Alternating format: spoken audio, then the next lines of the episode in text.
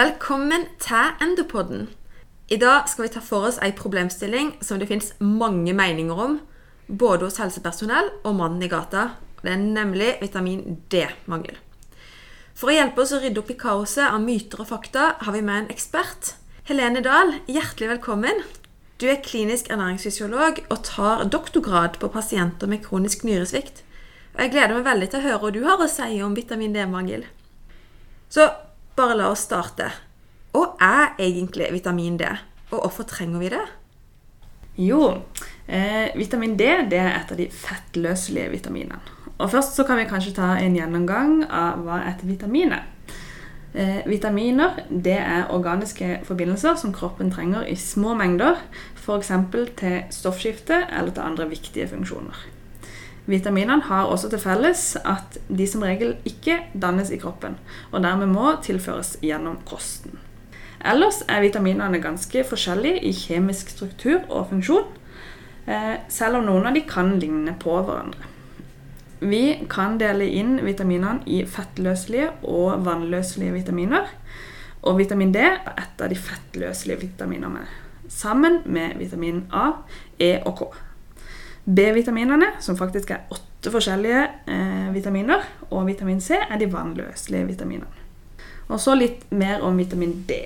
Eh, dette er jo da, som vi nå har nevnt, et av de fettløselige vitaminene, som betyr at det kan lagres i fettvev og muskler.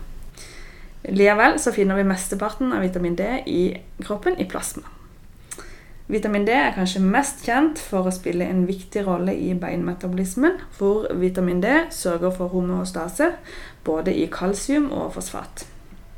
Dette gjøres eh, gjennom å øke absorpsjon av mineralene fra tarm, økt resorpsjon fra bein samt stimulering av PTH, som medfører økt reabsorpsjon fra nyrene. Vitamin D virker altså dermed også inn i endokrinologien. I tillegg så virker eh, D-vitamin inn i immunsystemet, pankreas og hjernen. Hjerte- og karsystemet er også påvirka av vitamin D gjennom blodtrykk, blodkoagulering og gjennom funksjonen av selve hjertemuskelen. Man har også funnet ut at alle celler er avhengig av vitamin D for å regulere cellesyklusen. Så vitamin D gjør altså litt av hvert. Ja, det er mange viktige oppgaver, det Ja. hører jeg. Og dermed er viktig å få i seg nok. Men eh, hvordan kan vi egentlig få i oss vitamin D? Eh, vitamin D det fins i to forskjellige former, eh, som vi kaller for vitamin D2, eller ergokalsiferol, og vitamin D3, som også kalles for kolekalsiferol. Og vitamin D2 det stammer fra syntese i plankton, sopp og gjær, mens vitamin D3 stammer fra syntese fra sollys. Og Begge disse to variantene får vi gjennom kosten, men mest av vitamin D3.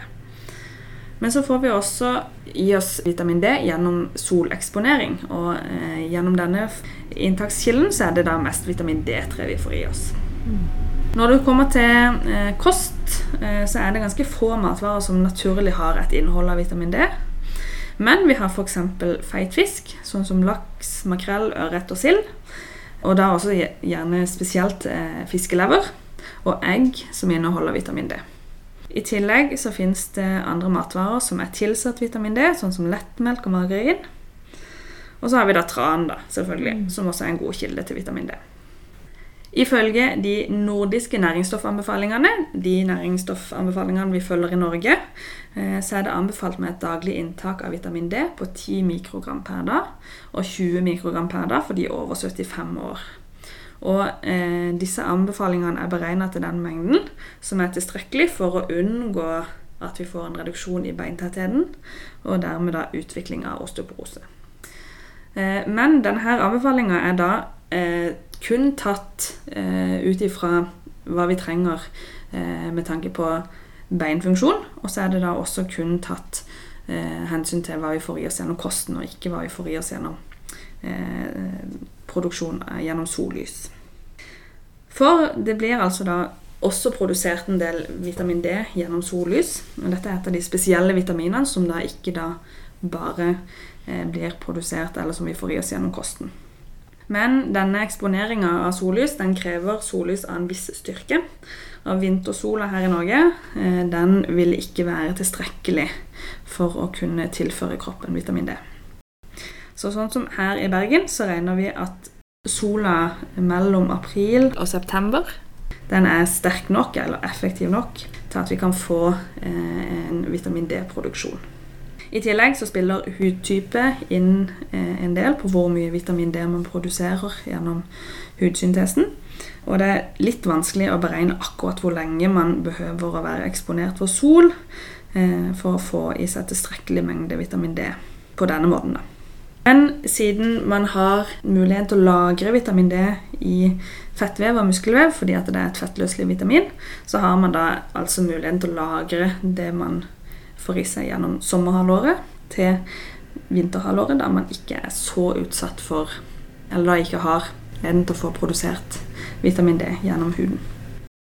Og så litt over eh, til litt mer sånn tekniske ting.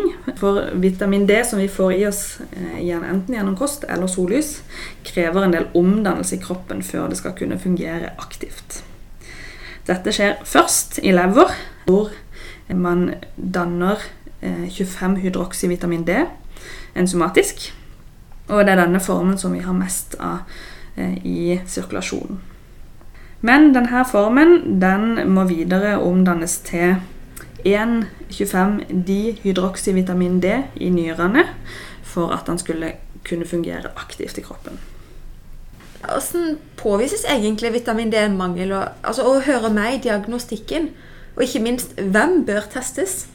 Ja, Um, Vitamin D eh, og vitamin D-status det måles i serum som 25 hydroksyvitamin D. Altså denne formen som er blitt omdanna av lever.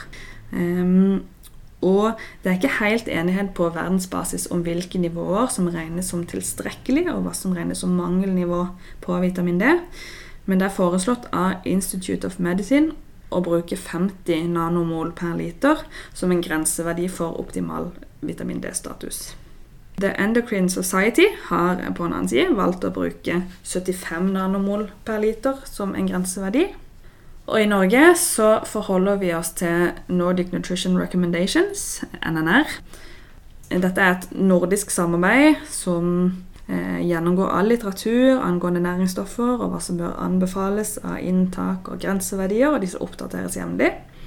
Og Sist oppdatering ble gjort i 2012, hvor de da fant ut at en grenseverdi på 25 nanomol det skulle indikere mangel, mens 50 nanomol var en grenseverdi på god eller utilstrekkelig vitamin D-status. Og NNR skal etter planen oppdateres igjen i 2022. Og prosessen med litteraturgjennomgang er nå i gang, så det blir spennende å se om det er noe nytt å melde angående vitamin D, og også sånn generelt. Og vanlig er egentlig vitamin D-mangel i Norge? Og er det noen av oss som er spesielt utsatt? Man antar at eh, mangel på vitamin D er ganske utbredt i Europa. Og En nylig publisert studie eh, hvor man målte nettopp dette, fant at 13% av barn og voksne i Europa hadde en vitamin D-mangel, mens 40% hadde suboptimal status. Og Det er flere grupper som er spesielt utsatt for mangel på vitamin D. og Disse kan vi dele inn i fire hovedgrupper. Da. Og Den første det er de som har mangel på tilgjengelig vitamin D, eh, som kan komme av et inadekvat inntak av vitamin D gjennom kosten. Det kan være at de har fettmalabsorpsjonstilstander som medfører at ikke de ikke får absorbert vitamin D fra tarm. Eller det kan komme av manglende syntese eh, fordi de ikke blir eksponert for sol. Gruppe to er de som har en nedsatt hydroksylering i lever. Dette kan komme av eh, f.eks. leversykdom, som da medfører at ikke de får danna 25 hydroksyvitamin D. Gruppe nummer tre er de som har en nedsatt hydroksylering i nyre. Og de får da ikke omdanna 1,25 dihydroksyvitamin D. Og dette kan komme av f.eks. nedsatt nyrefunksjon. Så har vi en fjerde gruppe, eh, som er de som har en insensitivitet i endeorganene for vitamin D, der de skal virke. Og dette eh, kan f.eks. gi en det som heter en hereditær vitamin D-resistent rakitt. Dette er ganske så sjeldent, men dette er også tilstand som kan forekomme. Hvis vi skal se litt mer sånn på eh, Norge og Norges befolkning, så er det kanskje spesielt to grupper som er spesielt utsatt for, eh, for mangeltilstander. Da tenker vi på de som har eh, mørkere hud eh, sånn genetisk sett. De eh, trenger mer soleksponering for å få produsert tilsvarende mengde vitamin D som de med lysere hud. Og når man da bor på en plass der man ikke har så mye sol tilgjengelig, kanskje det regner mye, kanskje man bor i Bergen, så, så er de da spesielt utsatt for mangel på vitamin D. I tillegg så har man grupper av befolkninga som kanskje ikke er så mye ute. F.eks. eldre. Eldre som bor på institusjoner, f.eks. Som også da vil være utsatt for en mangel på vitamin D. Når skal man egentlig mistenke vitamin D-mangel? Er det symptomer og funn som kan gi hint, eller, og får alle dette, eller kan man være asymptomatisk òg? De aller, aller fleste som har en vitamin D-mangel, er eh, asymptomatiske. Og det er jo noe av det som gjør det litt eh, utfordrende å finne ut av det. Mangel på vitamin D det vil eh, medføre at man får en redusert absorpsjon av kalsium og fosfor fra tarm. Eh, noe som da vil gi en hypokalsemi og en hypofosfatemi. Og det er gjerne da hypofosfatemi som melder seg først. Og så vil en hypokalsemi først dukke opp eh, hvis man har en vedvarende mangel på vitamin D. Og hvis hypokalsemi oppstår, så vil dette her kunne gi en sekundær hyperparatyroidisme. Noe som kan eh, medføre fosfaturi, demineralisering av beinvev. Og noe som igjen da kan gi osteomalasi hos voksne eller rakitt hos barn. Dette er noe som først forekommer hvis man ikke har behandla denne D-vitaminmangelen. Hvis eh, dette her eh, får utvikle seg over lengre tid, så er man da eh, gjerne inne i en etablert osteoporose eller beinskjørhet. Rakitt det har også vært kjent som engelsksyken. Etter at man rundt 1900 så et epidemisk høyt antall av sånne tilfeller av barn som hadde rakitt i større engelske byer. Og dette fant de ut av at skyldtes en vitamin D-mangel, som rett og slett kom av luftforurensning, som, som igjen da førte til lite soleksponering. I dag så er verken rakitt eller osteomalasi spesielt vanlig i vestlige land. Og man ser mer eh, sånn subklinisk vitamin D-mangel eller eh, suboptimal vitamin D-status. Men dette her er likevel forbundet med en økt risiko for osteoporose, fall og også da muligens frakturer. Men selv om vi nå har mye fokus på, på beinhelse, og sånt, så er det flere funksjoner i kroppen som er tilknytta vitamin D. Eh, og det er også naturlig at andre funksjoner eh, kan eh, bli utsatt hvis man har en vitamin D-mangel. Man har bl.a. sett en økt risiko for høyt blodtrykk, trombogenese eh, og andre eh, faktorer forbundet med hjerte- og karsykdom eh, ved en vitamin D-mangel. Og noen av de vanligste symptomene på vitamin D-mangel hos voksne vil være muskelsvakhet og beinsmerter.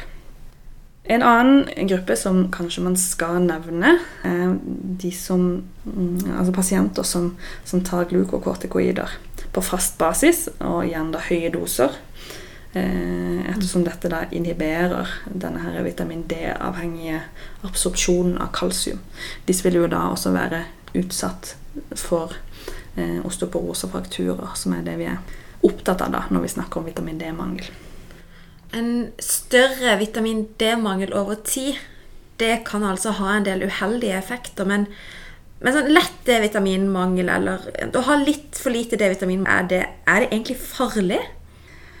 Det vil jo ikke være eh, farlig, men, men, det er det der med det langsiktige vi er redd for. Og, og at man på sikt da kan utvikle en, eh, en osteoporose og beinskjørhet. Og så vet vi jo at eh, beinmassen er noe som man har et potensial som man når i tidlig voksen alder, og så vil det bli redusert eh, naturlig sett når man blir eldre. Dette her med vitamin D vil jo da være viktig både i ung alder for å utnytte dette potensialet så godt som mulig for denne beinmassen. Og så vil det være viktig eh, med tanke på de eldre for å forhindre at beinmassen reduseres for fort da, eh, når de blir eldre og denne begynner å gå ned naturlig sett. Men så eh, skal det jo sies at det kan også være farlig med for mye vitamin D. Selv om dette her er eh, heller sjeldent, og ikke noe som er mulig å oppnå med, eh, med f.eks. å sole seg eller gjennom kosten. Dette krever enorme inntak over lengre perioder eh, av tilskudd. Eh, men det man gjerne ser da i sånne tilfeller, er symptomer som, eh, som minner om hyperkalsemi. Da ser man gjerne eh, nyrestein eller kalsifisering av bløtvev. Men dette her er jo noe man skal være obs på, da, at det er ikke bare å pøse på med, med tilskudd av fettløselige vitaminer. Der skal man være litt forsiktig også. Hvis man har påvist en vitamin D-mangel, hvordan behandler man den da? Det kan behandles ved Eh, å bruke kosttilskudd av vitamin D. Da skal man jo være litt obs på eh, hva som er årsaken til denne vitamin D-mangelen. Har man f.eks. en pasient med kronisk nyresykdom, de som er gjerne er litt borti, eh, så vil det å gi et tilskudd av et inaktivt vitamin D, som er det man gjerne gir til den vanlige befolkninga, være nyttesløst, ettersom disse ikke har evnen til å omdanne dette til aktivt vitamin D i nyrene. Så, så man skal være litt obs her òg, da. Men eh, hos den generelle befolkninga så vil et tilskudd på vitamin D eh, være fint å bruke. Men det å følge opp eh, status vil jo også da være eh, fint. Ellers så er jo eh, det å ha et økt fokus på vitamin D gjennom kosten, det vil også være et fint tiltak. Sånn som å inkludere matvarer som feitfisk og egg. Og dette er jo matvarer som er næringsrike generelt, så kan være fine å inkludere i kosten uansett. Hvis man har mulighet til det. Og Hva kan man sjøl gjøre for å forebygge vitamin D-mangel? Det aller aller viktigste tenker jeg, er å spise variert. Da vil man kunne dekke næringsstoffene som man trenger, sånn generelt. Og så vil man også kunne få i seg vitamin D. I tillegg så er det å være ute, være ute i sola, eh, kan være viktig for å få i seg vitamin D. Men man skal ikke være ute i sola og være ute i sola uten å bruke solkrem som beskyttelse for lenge. I hvert fall ikke hvis man er litt lys i huden, sånn som noen kanskje er. Og i tillegg eh, så vil jeg slå et slag for det å være i fysisk aktivitet. Det å styrke musklene rundt skjelettet, sånn at man er eh, rusta for å tåle et eh, svekka skjelett når den tid eventuelt kommer. Tusen, tusen takk, Helene. Dette var veldig spennende. Jeg har lært masse. Men dessverre, alt vi hadde i denne episoden vi vil gjerne ha tilbakemelding fra deg som lytter på, så kom gjerne med ønsker til tema du ønsker at vi skal ta opp i andre episoder, gjennom Facebook, Enderpodden eller e-post enderpodden krøllalfa.uib.no. Så høres vi!